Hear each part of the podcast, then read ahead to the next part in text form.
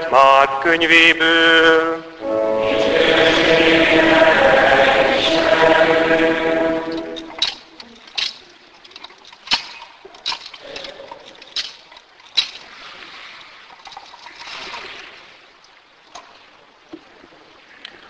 Abban az időben Jézus ezt mondta tanítványainak, azokban a napokban, amikor a gyötrelmek véget érnek, a nap elsötétedik, ahol nem ad világosságot, a csillagok lehullanak az égről, és a mindenséget összetartó erők megrendülnek.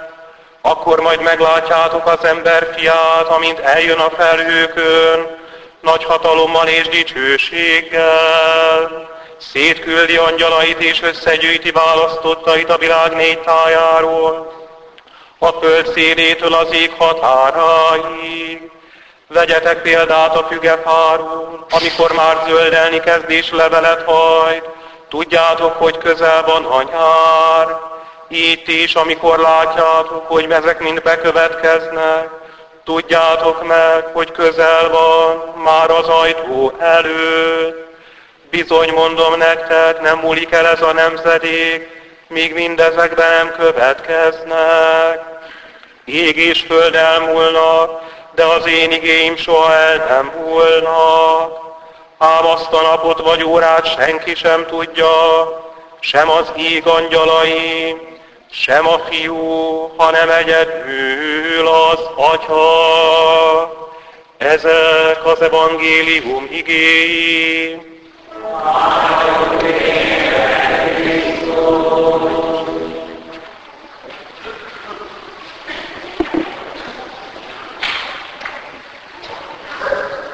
Krisztusban szeretett testvéreim,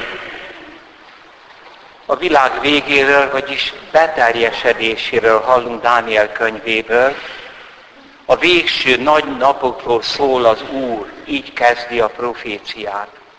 Az Úr Jézus az evangéliumban szintén erről a végső beteljesedésről szól, szinte ugyanazokkal a szavakkal kezdi, azokban a napokban. Két dolgot tisztázni kell. Mi az alapja Dániel jövendőlésének? Hogyan számíthat arra, hogy ezt a korabeli zsidó megérti? Mert ha valamit mondok a jövőre, az csak akkor lehet elfogadni, ha van neki alapja. A másik, és mi a lényeg az Úr Jézus beteljesítésének? Mi az, amit hozzátesz a profétához? Ha ezeket az kérdéseket nem tisztázzuk, akkor az egész evangélium úgy lebeg. Hát mi pedig nem lebegünk, hanem két lábbal vagyunk a Földön, tele problémával, aktuális teendőkkel, és hát nem csak a Földön vagyunk, hanem a Föld bennünk van. Ugyanazon anyagból épülünk föl, mint a csillagvilág, a testünk. Rólunk van szó. És a nap és a hold nem tudnak magukról. A csillagok sem. A nap és a hold nem tudják, hogy világítanak nekünk. A csillagok pedig nem tudják, hogy éppen lehullanak-e, vagy egyáltalán hol vannak, hiszen azt sem tudják, hogy léteznek. Ugyanúgy a mindenséget összetartó erők, ma így beszélnek róluk, hogy energiák. Nem tudják, hogy léteznek, hogy mit tartanak össze. Buta Európa, ezektől az energiáktól várod az üdvösséget. Mi az alapja tehát Dániel jövendelésének, és mi Izrael hite, amely alapján ezt a jövendelést el lehet fogadni? Kedves testvérek, a világ teremtett volta. Ez kifejezetten Izrael tudta az ókorban, bár mindenki rájöhetne. A tudomány területén is beszélnek abszolút kezdetre az ősrobbanásról. Testvérek, gondoljunk bele, ez egy elódázása a problémának. Hát ami robban, az létezik. Nem az a kérdés, hogy mivé alakul, hanem miért van az, ami van, miért nem a semmi van. Az abszolút kezdet az a teremtés. És igenis az ember idáig el tud menni. Bizony nagy kegyelem egy keresztény számára a hitben kitart, hogy megöregszik.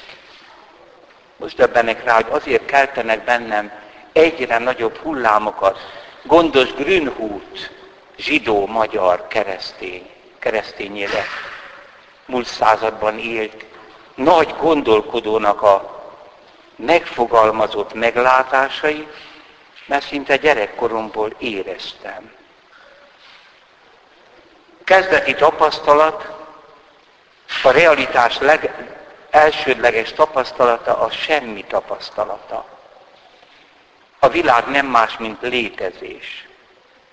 Létezés kiemelkedése éppen azért okoz meglepetést, mert a semmiben emelkedik ki. Tudnélik, a semminek a semmisége abszolút magától értetődő. Az emberi értelem egy óriási ajándék az Istennek. Ha nem lenne semmi, ez értetődő, itt nincs magyarázat. De ha egy porszem is van, az nagyon nagy probléma. Nincs megmagyarázva a létezése. Minden dolog, ami körülvesz bennünket, szinte kiállt, hogy én mástól vagyok. És az egész világ mindenség kiállt, nem veszitek észre, hogy ti a természettudományokban nagyszerű, hogy vizsgáljátok, hogy milyen vagyok, hogy milyen a csillagvilág, hogy hogy viselkednek az élő sejtek, hogy lehet gyógyítani egy emberi szervezetet. De nem vizsgáljátok azt, ami bennünk a legizgalmasabb. Az, hogy létezünk. Persze, azt is értelemmel kellene vizsgálni, de nem lehet természettudományos módszerrel. Nincs 5 kilogramm létezés, meg két méter. Testvérek, ha bármi két helyetek van Krisztus tanításával kapcsolatban, ide tessék elmenni. Azonnal megszűnik a kételj. Ez a világ nem hordozza magába a létének a magyarázatát. Szinte azt lehet mondani, hogy át van itatva a nem létezéssel. A magától értetődő semmiből emelkedik ki a nem magától értetődő. És micsoda nagy a különbség, nem különbség van köztük, átjárhatatlan szakadék. Mégis a dolgok vannak. Tehát akkor van egy erő, aki létrehozta. Őt Istennek illik nevezni. Nem mondd azt, hogy a semmiből nem lesz semmi nekünk.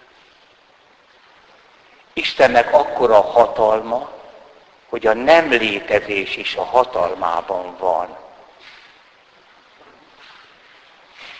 Testvérek, mielőtt nyafognánk, sírnánk, mielőtt harcolnánk az Istennel, hogy ezt nem értem, azt nem értem, légy szíves, borulj le, és rendülj meg azon, hogy te vagy.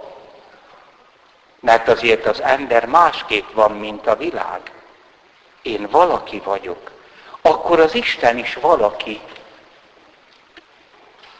Lehetetlen, mert engem nem az anyag hozott elő. Az anyagban nincs szabadság, az anyagban nincs öntudat, az állatokban sincs. Bennem pedig van.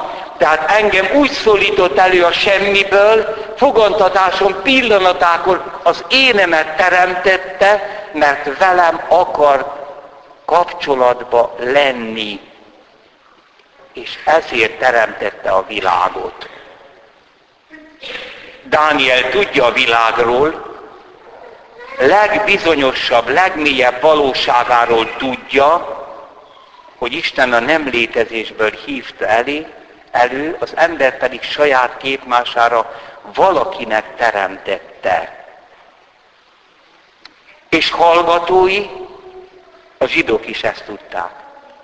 Na erre épül az, hogy tudja, hogy lesz egy beteljesedés. hogy az Isten kezében van a létezés. Nem a dolgok működése. Ő megadta mindennek a természetét. Az úgy működik, amilyen természete van, az, az kutassuk. De a létezését, ha ma nem akarná ebbe a pillanatba, akkor nem por és hamu lenne, hanem semmi se lenne. Ez a mi Istenünk. Kisebb isteneket tessék visszautasítani, és keményen ateistának lenni. Úgy, ahogy a római birodalomban a keresztényeket ateistáknak nevezték. Mert semmiféle kisistenekben nem hittek.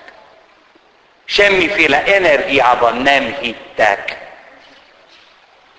Ha tehát van egy személyes Istentől nekünk ajándékozott létezés, és csak mi tudunk róla, akkor a beteljesedés nem lebegés, nem mese, hanem biztos tény.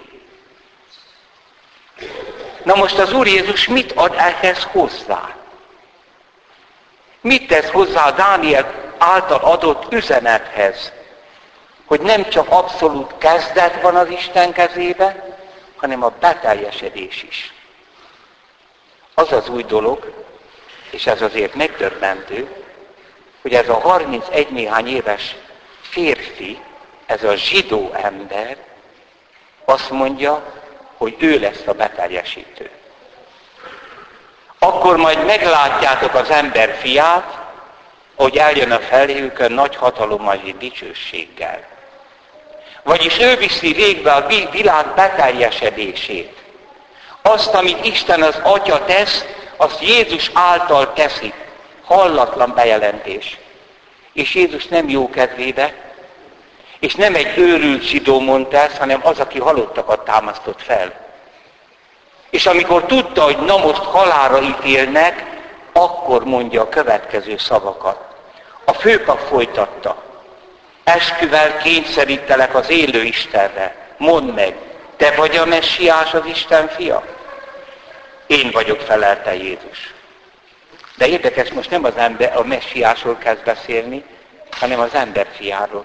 Mondom azonban nektek, látni fogjátok egykor, hogy az emberfia ott ül a mindenható jobbján, és eljön az ég felhőjén.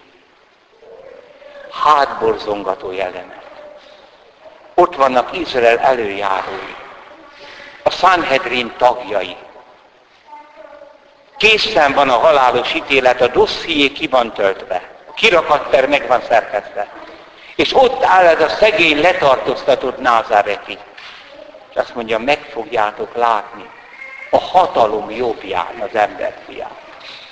A főpap erre megszakadt a ruháját, káromkodott, kiáltotta. Mi szükségünk van még tanukra? Most magatok is hallottátok a káromkodást, mi a véleményetek? Azok így kiáltották, méltó a halálra. Tehát kijelentette, hogy a végső eseményeket ő viszi végbe. Közben őt eltemették. Ezeket a szavakat is mindenki elfelejtette volna, ha harmadnapra föl nem támasztja őt az Atya a Szentélek erejével, és meglátják, hogy Jézus él, meg lehet tapogatni a testét, de nem a régi test. Tehát egy emberi biológikum, a szív, a vese, a belek, ott átalakult, örökké valósult. És más viszonyban van a tévedés az időhöz. Hol itt mutatja meg magát, hol ott, de nem szellem. Íme a világ létezésének beteljesedése. Tehát a názáreti az atyával egy lényeg Isten. Ezért írja Szent Pál a korintusiakhoz első levélben, bocsánat, a kolosszai levélben. Benne, Jézusban teremtett az Atya mindent. Ezt úgy kell érteni, hogy az ő megtestesült fiába képzelt el minket. És mi bennünk pedig ott van a világ mindenség. Minden általa, Jézus által, és érte teremtetett. Ő előbb van mindennél, és minden benne áll minden e, benne egzisztál. A csillagvilág is. Mert ő az egyszülött Isten, az Isten fia, aki emberé lett, mert az ember benne teremtette az Atya. A dicsőséges föltámadott testben, Jézusban az ember és az univerzum sorsát láthatták. Testvérek, kérlek benneteket, ezt a mondatot vigyétek el. A világ utolsó napja megtörtént Jézusban. Ezért mondják az apostolok, hogy elsőszülött a holtak közül, nem a halálból támad fel, mint Lázár, hanem a világvégi dicsőségre való föltámadás előre csúszott. Ilyen nincs a zsidó hitben, ezt nem találták ki.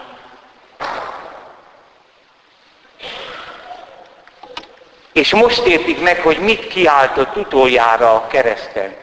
Beteljesedett. Vagyis Jézusba végbe ment a világ vége. Az anyagi világ átalakulása, az emberi test megdicsőlése, és az egész univerzum átfordult, mint egy ajtón Jézuson, a Szent Háromságos Isten dicsőségének az erőterébe. Most két zárójelet kell megnyitni, vagyis két megjegyzést még tenni. Azt mondja Jézus, vegyetek példát a fügefáról, amikor már zöldelni kezd, levelet hajt, tudjátok, hogy közel van a nyár. Itt ti is, amikor látjátok, hogy ezek bekövetkeznek, a nap elsötétülése, a csillagok legullása, a világ összetartó erejének megrendülése, tudjátok meg, hogy közel van, az ajtó előtt van. Kedves testvérek, amikor is kiadta lelkét, akkor földrengés volt és elsötétült a nap. Bizony mondom nektek, nem múlik el ez a nemzedék, amely ott áll körülötte, míg mindezek be nem következnek. Ég és föld elmúlnak, de az én igéim soha el nem múlnak. Ám azt a napot és azt az órát senki sem tudja, az ég angyalai, még a fiú sem, hanem egyedül az atya. Igen, de ez az óra elsősorban az ő föltámadásának az órája. És az a nemzedék, aki ott állt, az látta a világ végét Jézusban.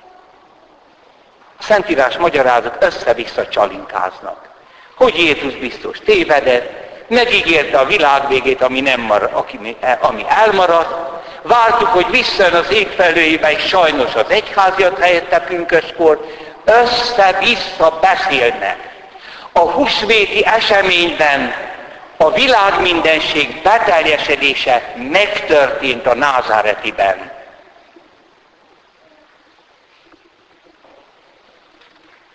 Jézus föltámadása, a világ vége órája ugyanaz. Persze közben van még a történelem. Az a nemzedék látta ezt a beteljesedést, hiszen Jézusban megtörtént átfordult. A mullandóságnak alávetett teremtés Isten személyes dicsőségének erőterébe. Ez az egyik megjegyzés. A másik. Jézusban nem csak az univerzum fordult át a dicsőségbe, hanem az ítélet is végbe ment. Erről hallottuk Szent Pált a zsidókhoz itt levélben. Krisztus csak egyetlen áldozatot mutatott be a bűnökért. Egyetlen áldozattal örökre tökéletesre tette megszentelteket. Ám ahol ezek bocsánatot nyertek, ott nincs többé bűnért való áldozat. A Szent Mise nem meg egy második keresztáldozat, hanem ugyanaz. Jézus ugyanazzal az áldozati szándékkal van jelen. Mi történt a kereszt áldozatban? Jézus megszerezte a bűnbocsánatot. Tehát az egész bűnös emberi történelem kiukadt. Aki őt felismeri és bocsánatot kér, az megmenekült. nem esik ítélet alá.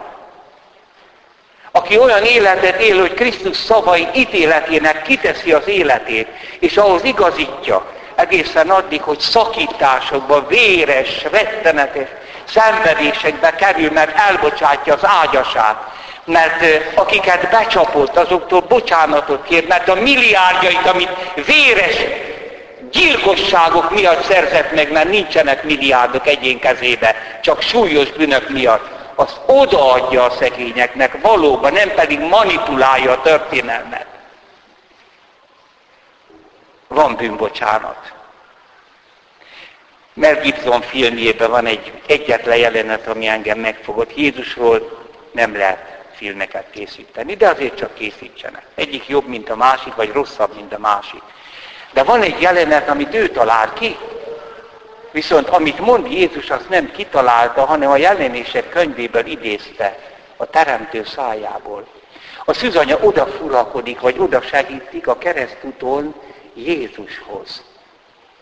És egy pillanatra megáll a tömeg, és Mária Jézus szemében ér, Jézus pedig Mária szemébe is azt mondja, amit a trónon ülő mond a jelenések könyvébe, most újjá alkotok mindent.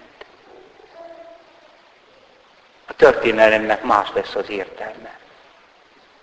Van bűnbocsánat. Nincs többet ítélet. Magadat ítéled el. Jézus azt mondja, az emberfia senkit sem ítél el. Az ítélet az, hogy hova álltál most. És a János evangélium mennyire vissza, mennyire ugyan ebben az erőtérben, gondolatban mozog, amikor azt mondja, Jézus, az Atya nem ítél el senkit, az ítéletet egészen a fiúra vissza. Amen, amen, mondom nektek, aki igémet hallgatja és hisz annak, aki engem küldött, örök élete van. Nem kerül ítéletre, tudni, elítéltetésre, mert átment a halálból az életbe amit az atyának életeben önmagában úgy megadta a fiúnak is, élete legyen önmagában, a világnak nincs élete önmagában meg az embernek, de megadta a hatalmat, hogy nekünk is életünk legyen. Az az életünk, ami a Szent Háromságban van. És hogy ítéletet tartson, mert ő az ember fia. De kifejti, hogy ez nem olyan ítélet, hogy majd az utolsó ítélet reszketnek, hogy mi, mit fognak dönteni. Nem egy megvilágosítás, és mindenki tudja, hogy mit döntött a földi élete alapján.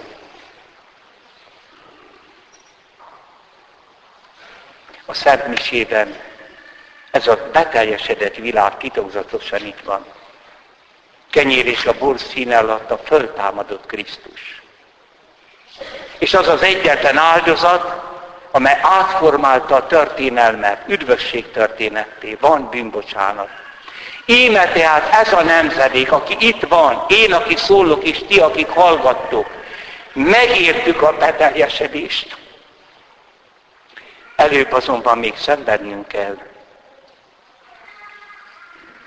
Hatalmas idő állhat még az emberiség előtt a végső kibontakozásig. De a Krisztusban levők lelkük mélyén a beteljesedésben vannak. Amen. Hiszek az egy Istenben, mindenható atyában, mennek és földnek, minden láthatónak és láthatatlannak teremtőjében